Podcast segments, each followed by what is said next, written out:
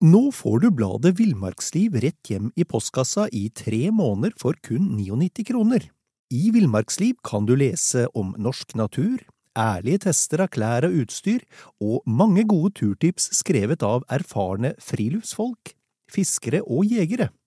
Send SMS VILL36 til 2205 og motta bladet allerede neste uke. Lev livet villere med bladet Villmarksliv. There's never been a faster or easier way to start your weight loss journey than with PlushCare. PlushCare accepts most insurance plans and gives you online access to board-certified physicians who can prescribe FDA-approved weight loss medications like Wigovi and Zepbound for those who qualify. Take charge of your health and speak with a board-certified physician about a weight loss plan that's right for you. Get started today at plushcare.com slash weight loss. That's plushcare.com slash weight loss. plushcare.com slash weightloss.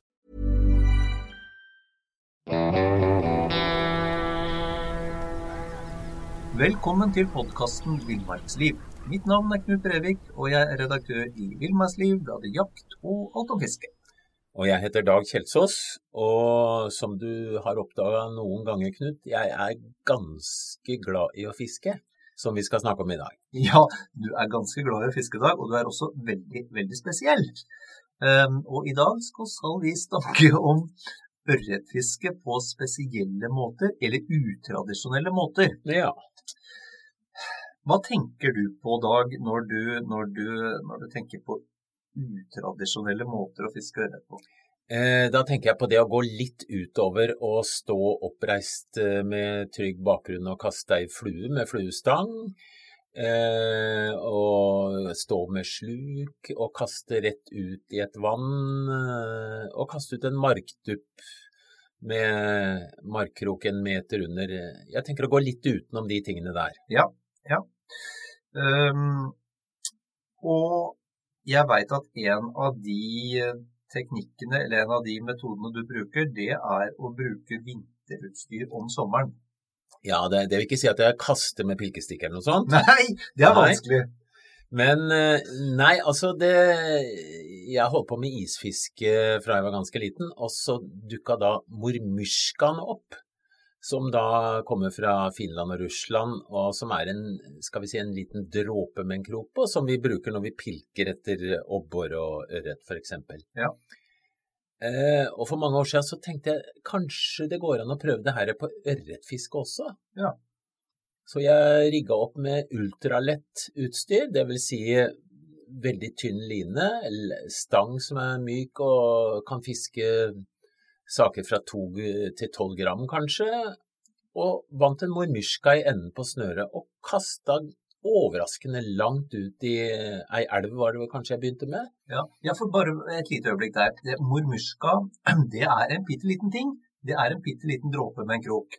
Vi snakker om eh, et par eh, gram, og ja, det, du får noen som er ganske tunge òg, da, men iallfall, det er få gram. Ja. Men hvor langt kaster man egentlig med et gram eller to? Hvis du har helt strøkent uh, ultralett utstyr, så kan du kaste overraskende, eh, overraskende langt. Jeg snakker ikke om sommersluk, som du kanskje kaster 30 meter, men, men eh, eller mer, da. Mm. Men, eh, men um, si vi kaster halvparten av normal slukkastelengde hvis vi har helt finjustert utstyr. Ja, ja. Hm. Men det holder ofte, Knut, å fiske ganske nær land også, så vi skal ikke være redd for at vi ikke når ut til fisken. Iallfall i en del tilfeller. Men det kommer litt an på hvor vi fisker òg, da. Men, men nå avbrøt jeg deg, som jeg jo ofte gjør. Um, mormyrska, ja. Um, hvordan fisker du med den um, på stang? Jo, eh, som sagt, ultralett utstyr. Det vil si, eh, jeg bruker sånn multiline, altså line samsatt av flere tynne tråder og veldig sterk i forhold til tjukkelsen. Mm. Det har jeg på ei haspelsnelle. Kanskje er den bare 0,1 millimeter tjukk. Og jeg har en fortom av vanlig sene som er litt sterkere og litt tjukkere, for uh, i tilfelle slitasje mot stein eller uh, fisketenner. Ja. Og så kaster jeg da dette her med ei ikke altfor kort stang, som er veldig myk, og gjør du det her riktig og har en god snelle og finjustert utstyr, så kommer du som sagt ganske langt ut. Så lar jeg da denne mormyrskaen synke litt, Og så napper jeg den inn som en jigg. Du veit hva jigg er? Mm. Ja, en sånn uh, enkrok vanligvis med en Det kan være en fiskelignende gummimark eller noe sånt på. Og den, den fiskes på den måten at du, du rykker inn sånn at det, at det går litt opp, og så synker litt ned, litt opp og, og litt ned. Mm. Og det samme med metode bruker jeg da med mormyrskan. Agner du mormyrskan nå, da? Med maggot? Ja, Ja. Jeg, jeg agner med maggot som vi bruker om vinteren, altså fluelarver. Ja. Eller jeg finner bitte små meitemark, kanskje bare på to centimeter, og trer på en sånn en. Og hvis det bare er vanlig mark, så kniper jeg av en bit av den og setter på. Ja, akkurat. Og det her er utrolig effektivt. Jeg har stått og fiska sammen med vanlige slukfiskere, og jeg får mer på mormyrska. Om sommeren, altså. Ja, ja, ja. Men hva, hva skyldes det? Altså, skyldes det tilstedeværelsen av litt, litt agn, eller? Eh, tenk at du er en fisk, en ørret. Mm. Hva spiser du mest av da? Jo, det er småting. Mm.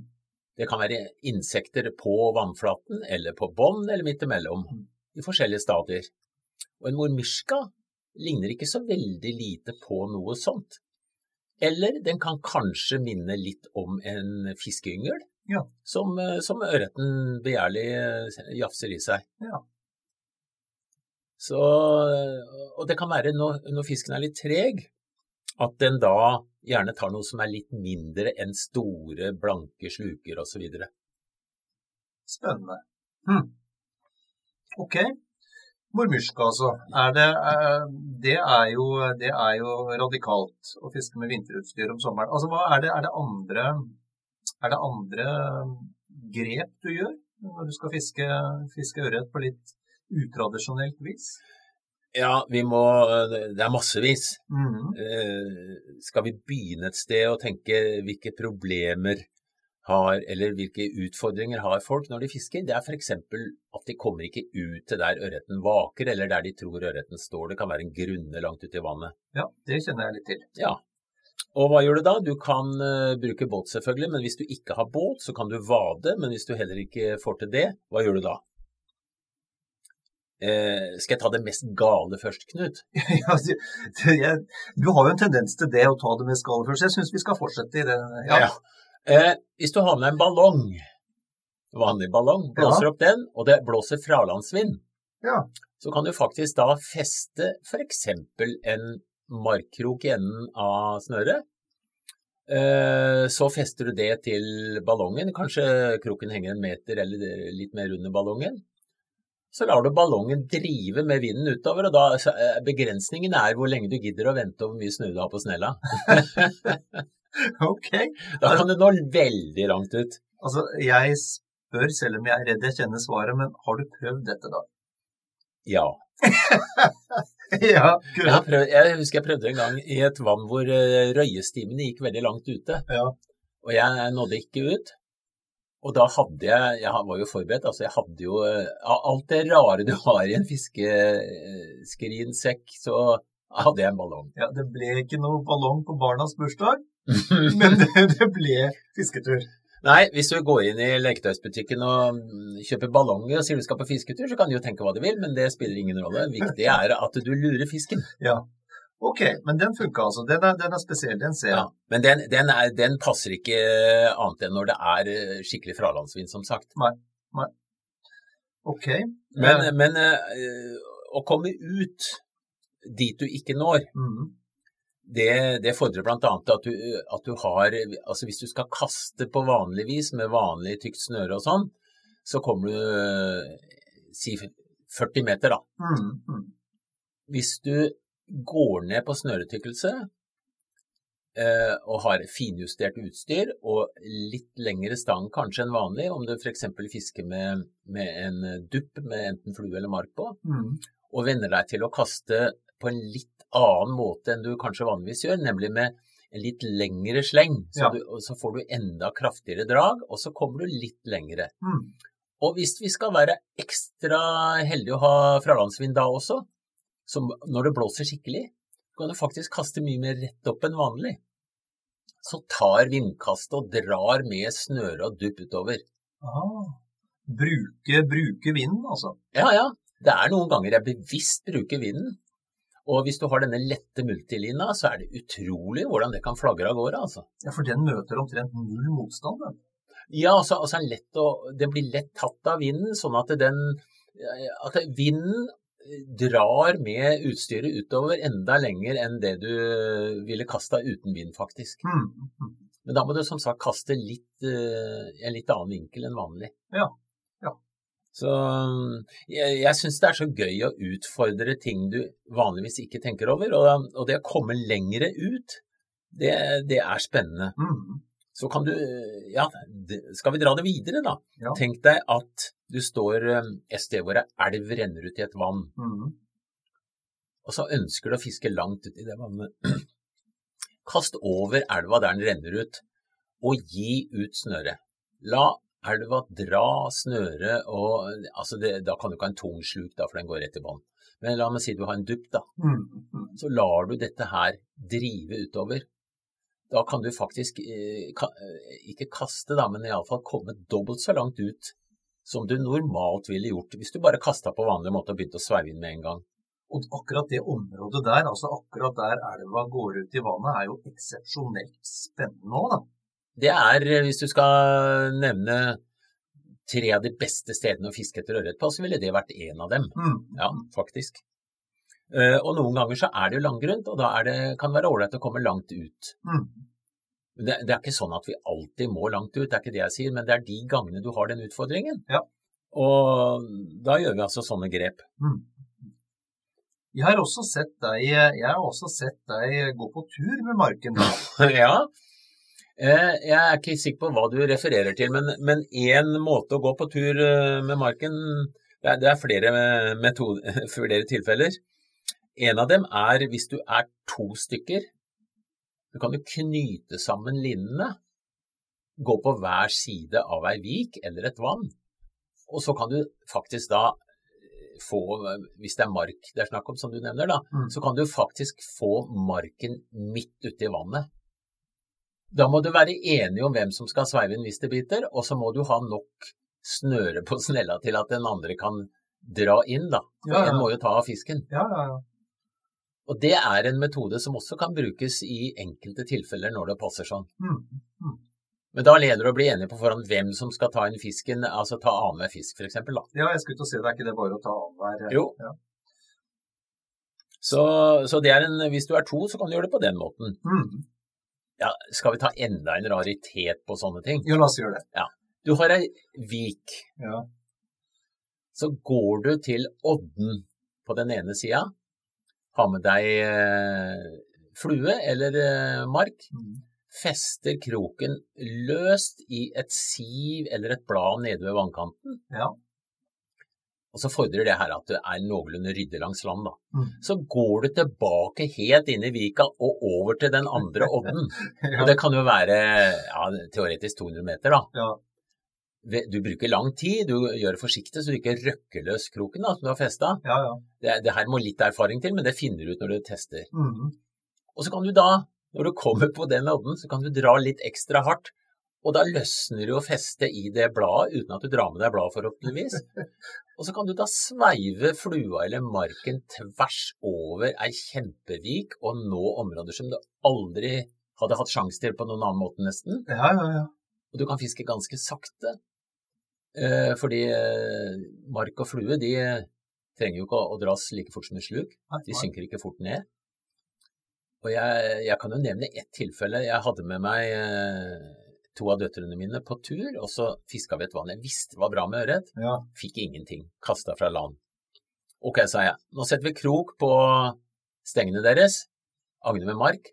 Og så eh, Vannet var ikke større enn at jeg klarte å gå rundt den andre sida ved å dra med meg de to markene, og de jentene sto og ga ut snøre på andre sida, da. Så bare holdt jeg begge markene og slapp, og så vinka jeg, og de begynte å sveive sakte. Vet du Ja. hva som skjedde? Nei. Begge fikk hver sin ørret. Nei! Men det her er- det er, veldig, det er jo veldig fantasifullt, og jeg, jeg, er jo, jeg er jo helt klar over at du har gjennomført alt det her. Men du er selvfølgelig klar over, Dag, at det eksisterer noe finnes som heter båt. ja, jeg er klar over det. Men innledningsvis så sa jeg hvis du ikke har båt.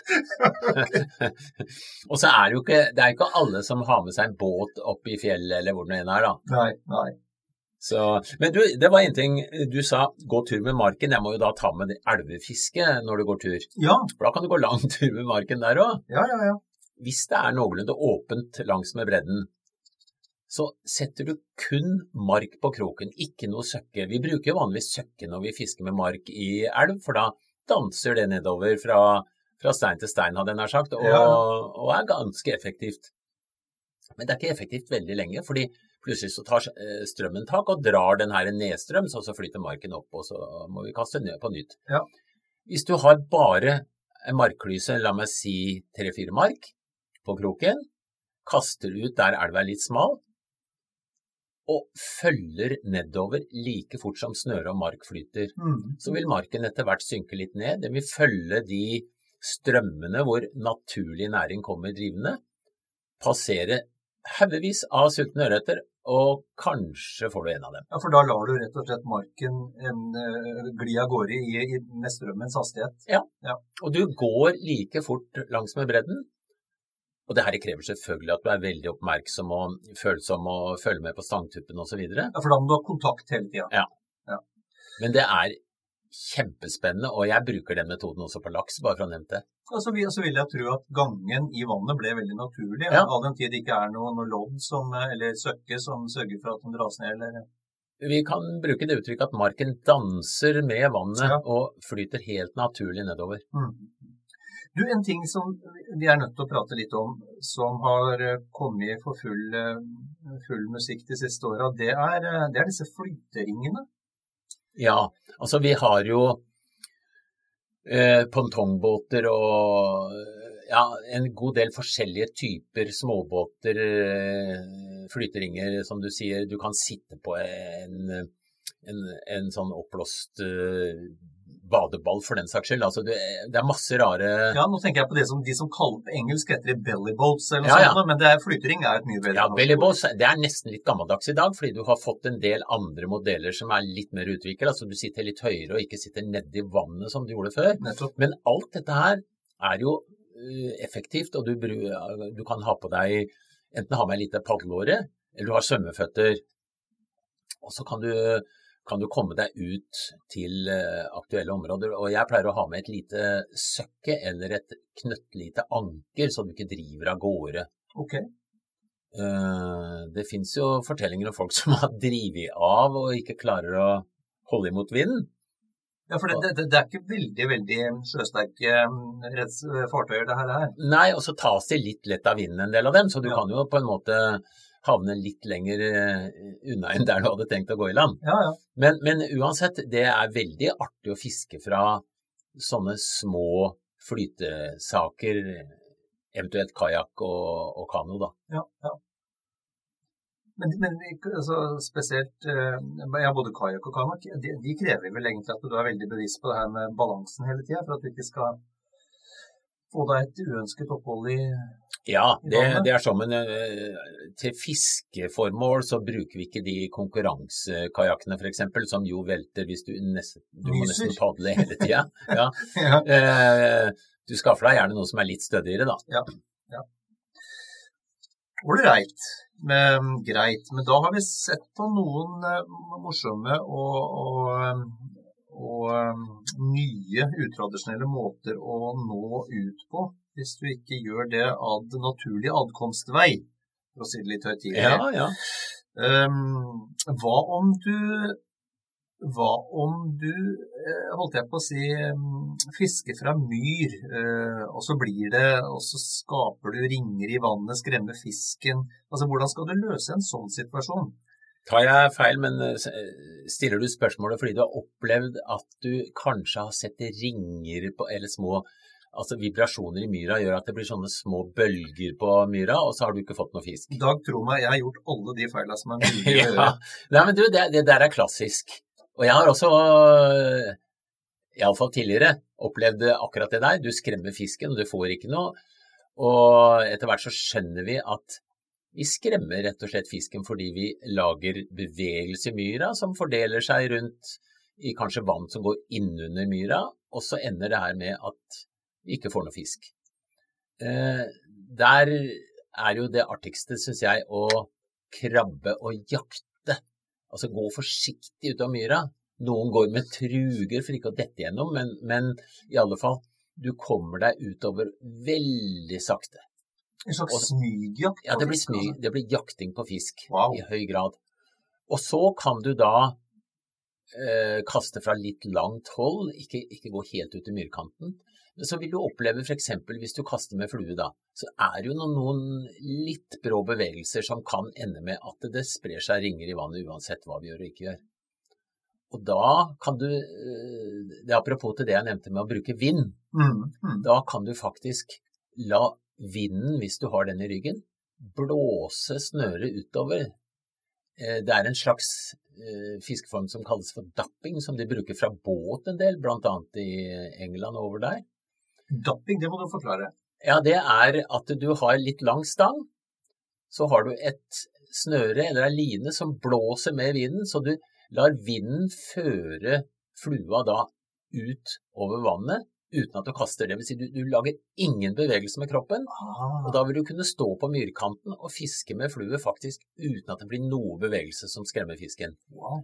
Vi snakker om litt spesielle forhold, Ja, ja. men, men det, det her har jeg faktisk fått brukbart med smårett, riktignok, på i, i sånne eh, elver, skråstrek bekker som renner i myr, og som ofte kan være ganske dype. Og der er det jo nesten håpløst å komme ut. Hvis du bråker når du går dit ut, så må du sitte her rolig i en, minst en halvtime før du kan begynne å fiske, for da er ørreten livredd og står innunder myra og trøkker. ja, ja. Men, men akkurat det med å la, la flua eh, sige ut på egen hånd, det blir vel på en måte tilsvarende å la marken danse fritt nedover elva, det da? Altså helt, helt, det skjer helt naturlig. Ja, vi bruker, i stedet for å bruke muskelkraft, så lar vi elementene styre fiskinga. Det er, det er rett og slett å utnytte det. Mm. Ja.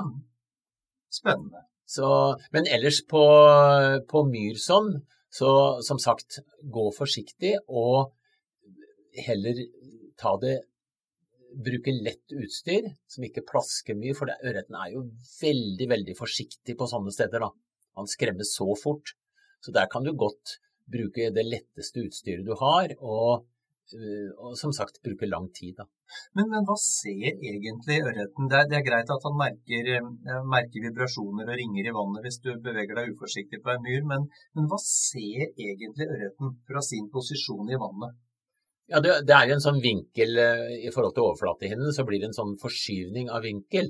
Men uansett, hvis du kommer som på åpen myr utover og går helt ut til, ut til kanten, så vil jo fisken se bevegelsen. og Han skjønner sikkert ikke at det er et menneske, men han blir redd i hvert fall. Mm. Så en god, et godt knep under all fisking, det er å faktisk å begynne fra litt innpå land. Fiske, kaste fra si minimum fem-ti meter kanskje fra, fra bredden. Okay. De første kastene. så ikke bevege seg helt fram til bredden med en gang. Så napp, hvis det er sluk vi fisker med, da, så napper vi sluken helt like når den kommer inn i vannkanten. Så napper vi så vi får den eh, så den ikke setter seg fast akkurat i kanten. Ja, ja, ja.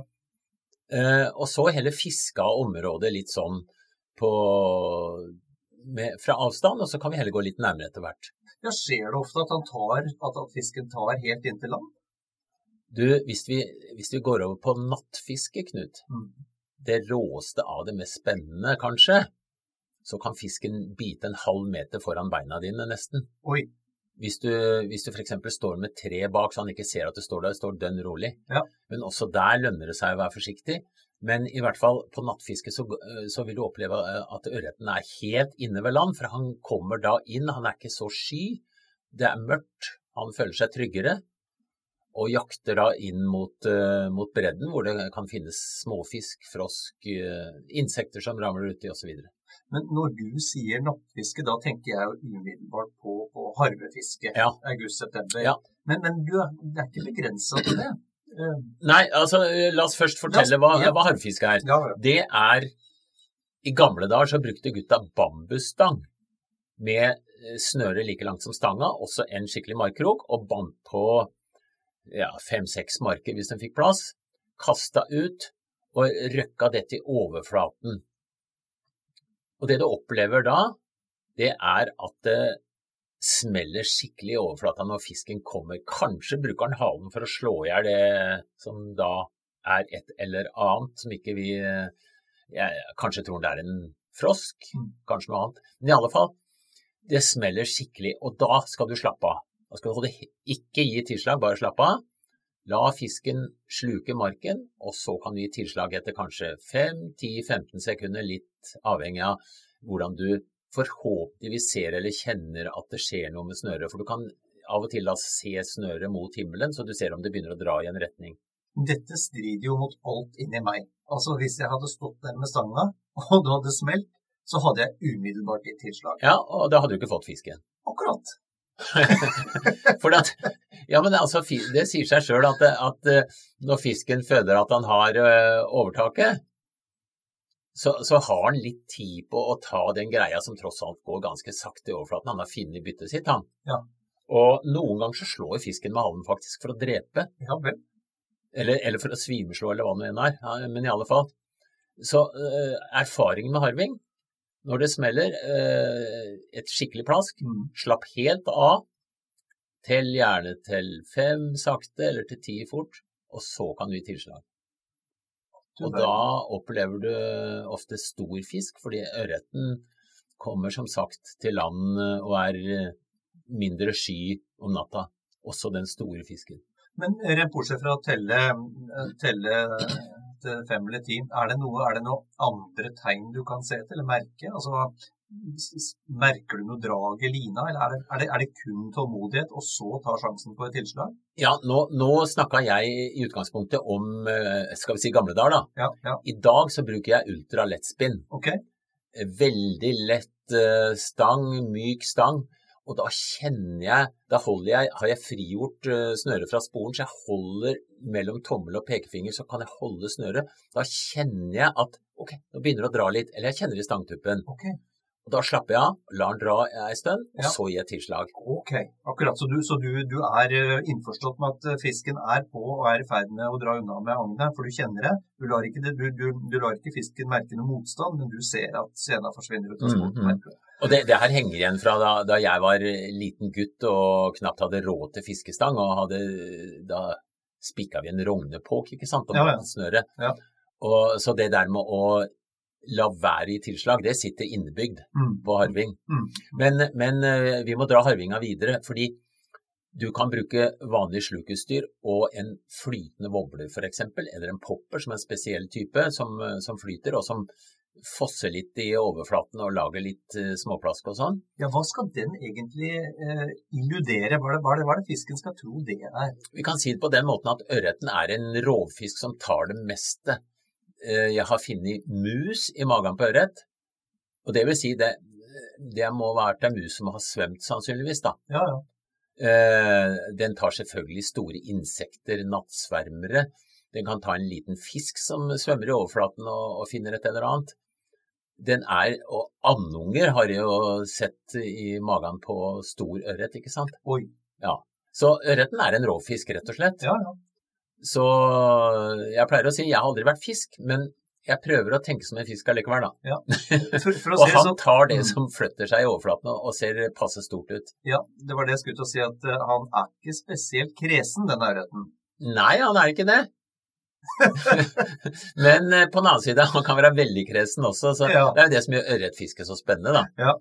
Men ok, altså um... Så, så eh, vobler, eller eventuelt også ei stor flue på fluestang, eller at du rett og slett eh, kaster med dupp hvis du vil litt lenger ut, en liten dupp, og, og med, med haspelutstyr hvis du ikke mestrer det å kaste med fluestang. Ja, for det er jo noen av oss som, som ikke helt eh, er der at vi er virtuose med fluestanga ennå. Det er selvfølgelig bare spørsmål om tid, Ja, ja. men det er noen av oss. Eh, Men da er det er ikke umulig å fiske med flue for det.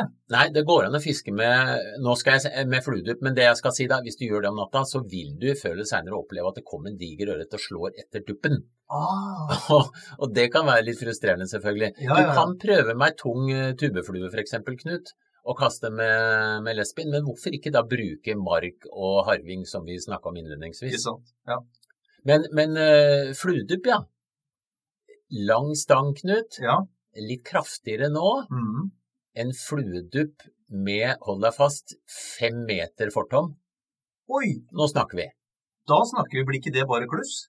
Nei, ikke hvis du gjør det riktig. Eh, Jeg pleier å gjøre ett skal vi si, blindkast på ti meter først, når jeg har gjort klar utstyret. Da Da henger det altså en, eh, en flue, eksempel, da, etter duppen opp til ti meter, men, men vanligvis tre-fire. Alt etter hvor, hvor vanskelig forhold det er. Og i elv trenger du ikke så lang avstand. Nei. Men i hvert fall, du kaster ut den sånn at du sveiver duppen helt nesten til stangtuppen, 10-20 cm unna. Og uten å, å lage mye virvar, så tar du den i én bevegelse bakover, rundt og opp, og kaster ut i én lang bevegelse. Akkurat. Og det fører til at flua da, som henger så langt bak, den vil ligge i vannet hele tida. Den blir dratt opp mot overflaten.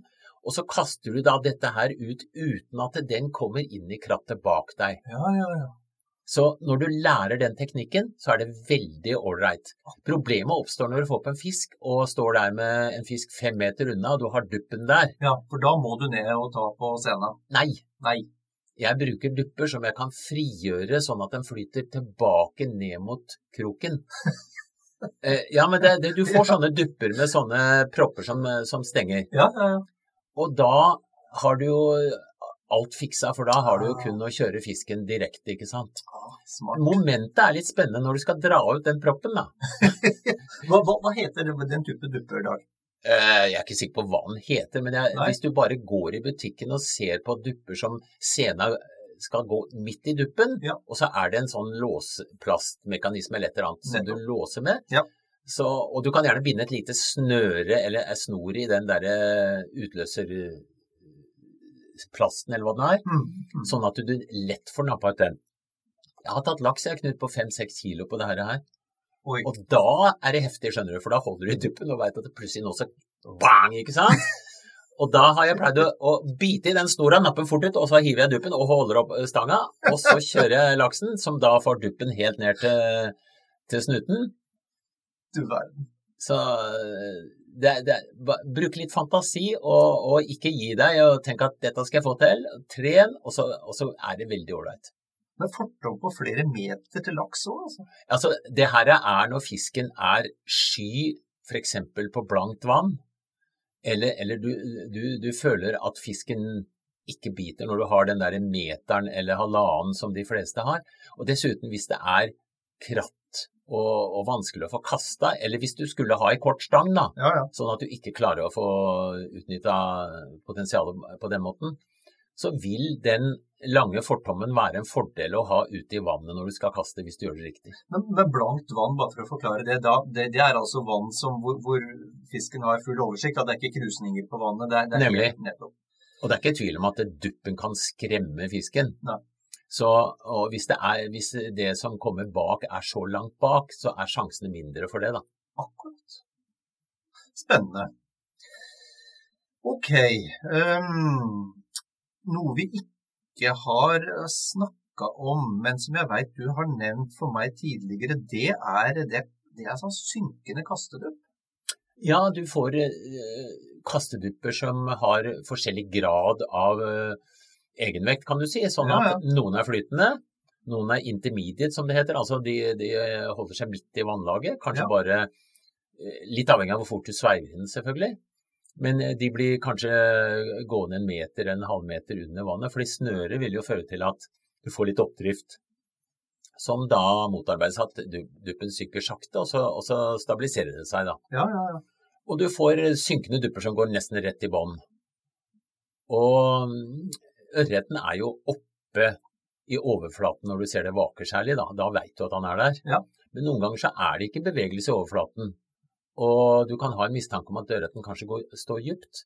Og da kan du bruke disse glassklare duppene og, og få f.eks. ei flue. Du sier at du ikke kaster med fluestang. Da kan du kaste flua langt ut. Gjerne bruke nymfe Mm. eller streamer, eh, eller våtflue som det het før. Og så kan du fiske av eh, et dypere område i vannet veldig effektivt med vanlig kastbruddstyr. Smart. Smart. Og mark, selvfølgelig. Ja, ja, ja. Altså, mark er jo noe av det grunnleggende innen fiske, fordi vi veit at fisken er veldig glad i mark. Ja, ja. Men da må du kaste litt mer forsiktig, så du ikke slenger av marken, da. Mm. Hva, hva med, hva med, hva med ørret, eh, ørretfiske når det blir is på vannet? Er det noe spesielt lure, utradisjonelle trik, ti- ti- ti- tips og triks? Vi begynte med mormyrska, og mormyrskaen er jo veldig effektiv etter ørret. Ja. Eh, Da bruker jeg kanskje litt oftere mark enn eh, maggot, men ørreten tar begge deler. Ja. Eh, Og om du ikke får ørret på andre ting, så tar han ofte mormyrska. Du må ikke spørre meg hvorfor han syns det er ålreit, men det er igjen det der at åpner du magen på en ørret, så ser du at det er masse småtteri der. Mm. mm. Og noen ganger så er den selektiv og tar bare én type flue, f.eks. Andre ganger så spiser han det han kommer over. Om vinteren kan du finne sånne små sneglehus som man finner på bånn. Du kan finne båndinsekter, og du kan finne noen sånne insekter eller, eller eh, andre ting som, som, som er i vannlaget. Mm. Um, og, og mormyrskaen etterligner da det. Og så tror jeg det at ørreten er litt sånn at han er, han er kanskje litt mer småspist om vinteren hvis vi snakker om den vanlige ørreten, da. Ja. Men skal vi snakke om stor ørret? Det er det du drømmer om, er det ikke det? Det er det vi alle drømmer om, da. ja, ja. Eh, Da er balansepilk greia. Okay. Eller tilsvarende jigger eller eh, plast og, og gummietterligninger av, av fisk. For de, de er, ser da ut som en fisk i vannet, for de er eh, Line er festa på ryggen, Ja, ja. sånn at de står vannrett, altså i naturlig posisjon for en agnfisk, en småfisk. Så er det å gi bevegelse til det her, da. Akkurat. Og det, det kan være helt rått på stor ørret. Nå får du bladet Villmarksliv rett hjem i postkassa i tre måneder for kun 99 kroner. I Villmarksliv kan du lese om norsk natur, ærlige tester av klær og utstyr, og mange gode turtips skrevet av erfarne friluftsfolk, fiskere og jegere. Send SMS VILL36 til 2205 og motta bladet allerede neste uke. Lev livet villere med bladet Villmarksliv. There's never been a faster or easier way to start your weight loss journey than with PlushCare. PlushCare accepts most insurance plans and gives you online access to board-certified physicians who can prescribe FDA-approved weight loss medications like Wigovi and Zepbound for those who qualify. Take charge of your health and speak with a board-certified physician about a weight loss plan that's right for you. Get started today at plushcare.com slash weight loss. That's plushcare.com slash weight loss. plushcare.com slash weight loss. Hvis du tar Mjøsa, da, vi kan godt fortelle et ørretvann uten at vi, at vi skader fiskebestanden. Der tas det en god del fisk på balansepilk om vinteren.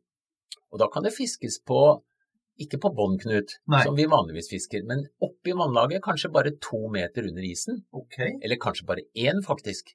Ja, For ørreten er ikke eh, på bånn bestandig. Jeg har, eh, har fått eh, de fleste ørretene på, med balansepilk har jeg fått sånn midt i vannlaget et eller annet sted. ja vel. Og den, eh, den beveger du da sånn at han, eh, han Du napper litt kraftig noen ganger, så, så du får en Han svømmer, kan du kalle det. Og så kan du heller holde i ro og løfte pilkestikka sakte mens du vibrerer litt. Og så kan du dra noen lange drag igjen. Det er en sånn grunnleggende måte, teknikk å bruke, da. Ok. Spennende. Du, er jo, du er jo kongen av utradisjonelle tips og triks. Det har jeg jo erfart gjennom over 30 år. Men eh, et, et dumt spørsmål muligens. Men hvordan er det å kombinere et par av disse metodene? F.eks. en liten markbit på en sluk, eller en liten markbit på ei våtflue. Altså, er det helt håpløst? Eh, Det kan nok hende at noen fluefiskere vil si at det er juks og, og fy å bruke mark på flue, Ja. men at det er effektivt? Ja, det kan det absolutt være. Okay. Mark på eh, krokene på sluken eller på en opphenger foran, eventuelt i en senebit bak sluken. Absolutt ja. Mm. For, eh, for som sagt, eh, vi veit at fisken blir trigga av mark. Mm. Den har en lukt som, som gjør at ørreten får lyst til å bite. Mm. Av, av alle de ja, Nå har jeg sett deg fiske med mye rart, Jeg har sett deg fiske med en skje en gang. Jeg har sett deg prøve med et nøkkelknippe. Du har prøvd på så mye rart, du. Nei, nå ble jeg I Nøkkelknippe, det var en historie om noen som fikk en fisk på et nøkkelknippe fordi han ene skulle til bilen. okay. Han fikk den ikke, forresten, men fisken var oppe og hoppa etter. Men alle disse rare metodene, og vi har snakka om noen nå, hva er det du syns er mest effektivt? Hva er det som oftest slår til? Snakker du ørretfiske og Ørretfiske. sommer eller vinter? Nå er jeg på sommer. Eh, oi, oi, det er van Hvorfor skal jeg stille så vanskelige spørsmål? Fordi at det, vi innretter oss jo etter forholdene. Ja. Hvis det vaker, så er det mest effektivt med tørrflue. Mm. Og hvis det er kraftig vind, og du finner ei bakheve hvor det samler seg eh, insekter, men hvor du ikke ser noe vak, så ville jeg brukt en nymfe eller helst en streamer. Eh, Så jeg, jeg har vanskelig for å si at noe er mest effektivt. Men hvis du skal gi meg én ting som jeg aldri skulle miste, men som jeg skulle fiske med hele året, så tror jeg det nesten ble en mormyrska, Knut. Ja ok. I hvert fall etter ørret. Hm. Og den måtte ha en veldig kraftig krok, da, så jeg kunne få noen storinger òg. ja, selvfølgelig. Nei, men veldig bra. Um, da tror jeg egentlig vi bare ønsker folk skitt fiske med, ørreten, uh, både på tradisjonelt og utradisjonelt vis. Ja, det gjør vi absolutt. Også, altså, ikke glem det at uh, du må ikke prøve ballonger og all verdens rare ting. Du, eh, altså det, du får veldig mye fisk på vanlig sluk for den som da kanskje ikke er så erfaren. Ja. Men den som er litt erfaren og, og ser at det nytter ikke med det tradisjonelle, Nei. ok, nå bruker vi fantasien, og så prøver vi å, å tenke som en fisk. Bruk av barnas bursdagsballonger kommer et stykke ned på lista, det er vi enige om. Takk for praten, Dag. I like måte.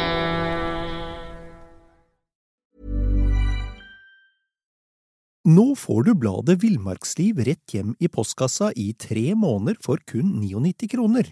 I Villmarksliv kan du lese om norsk natur, ærlige tester av klær og utstyr, og mange gode turtips skrevet av erfarne friluftsfolk, fiskere og jegere. Send SMS VILL36 til 2205 og motta bladet allerede neste uke. Lev livet villere med bladet Villmarksliv. Planning for your next trip? Elevate your travel style with Quince. Quince has all the jet setting essentials you'll want for your next getaway, like European linen, premium luggage options, buttery soft Italian leather bags, and so much more. And is all priced at 50 to 80% less than similar brands. Plus, Quince only works with factories that use safe and ethical manufacturing practices.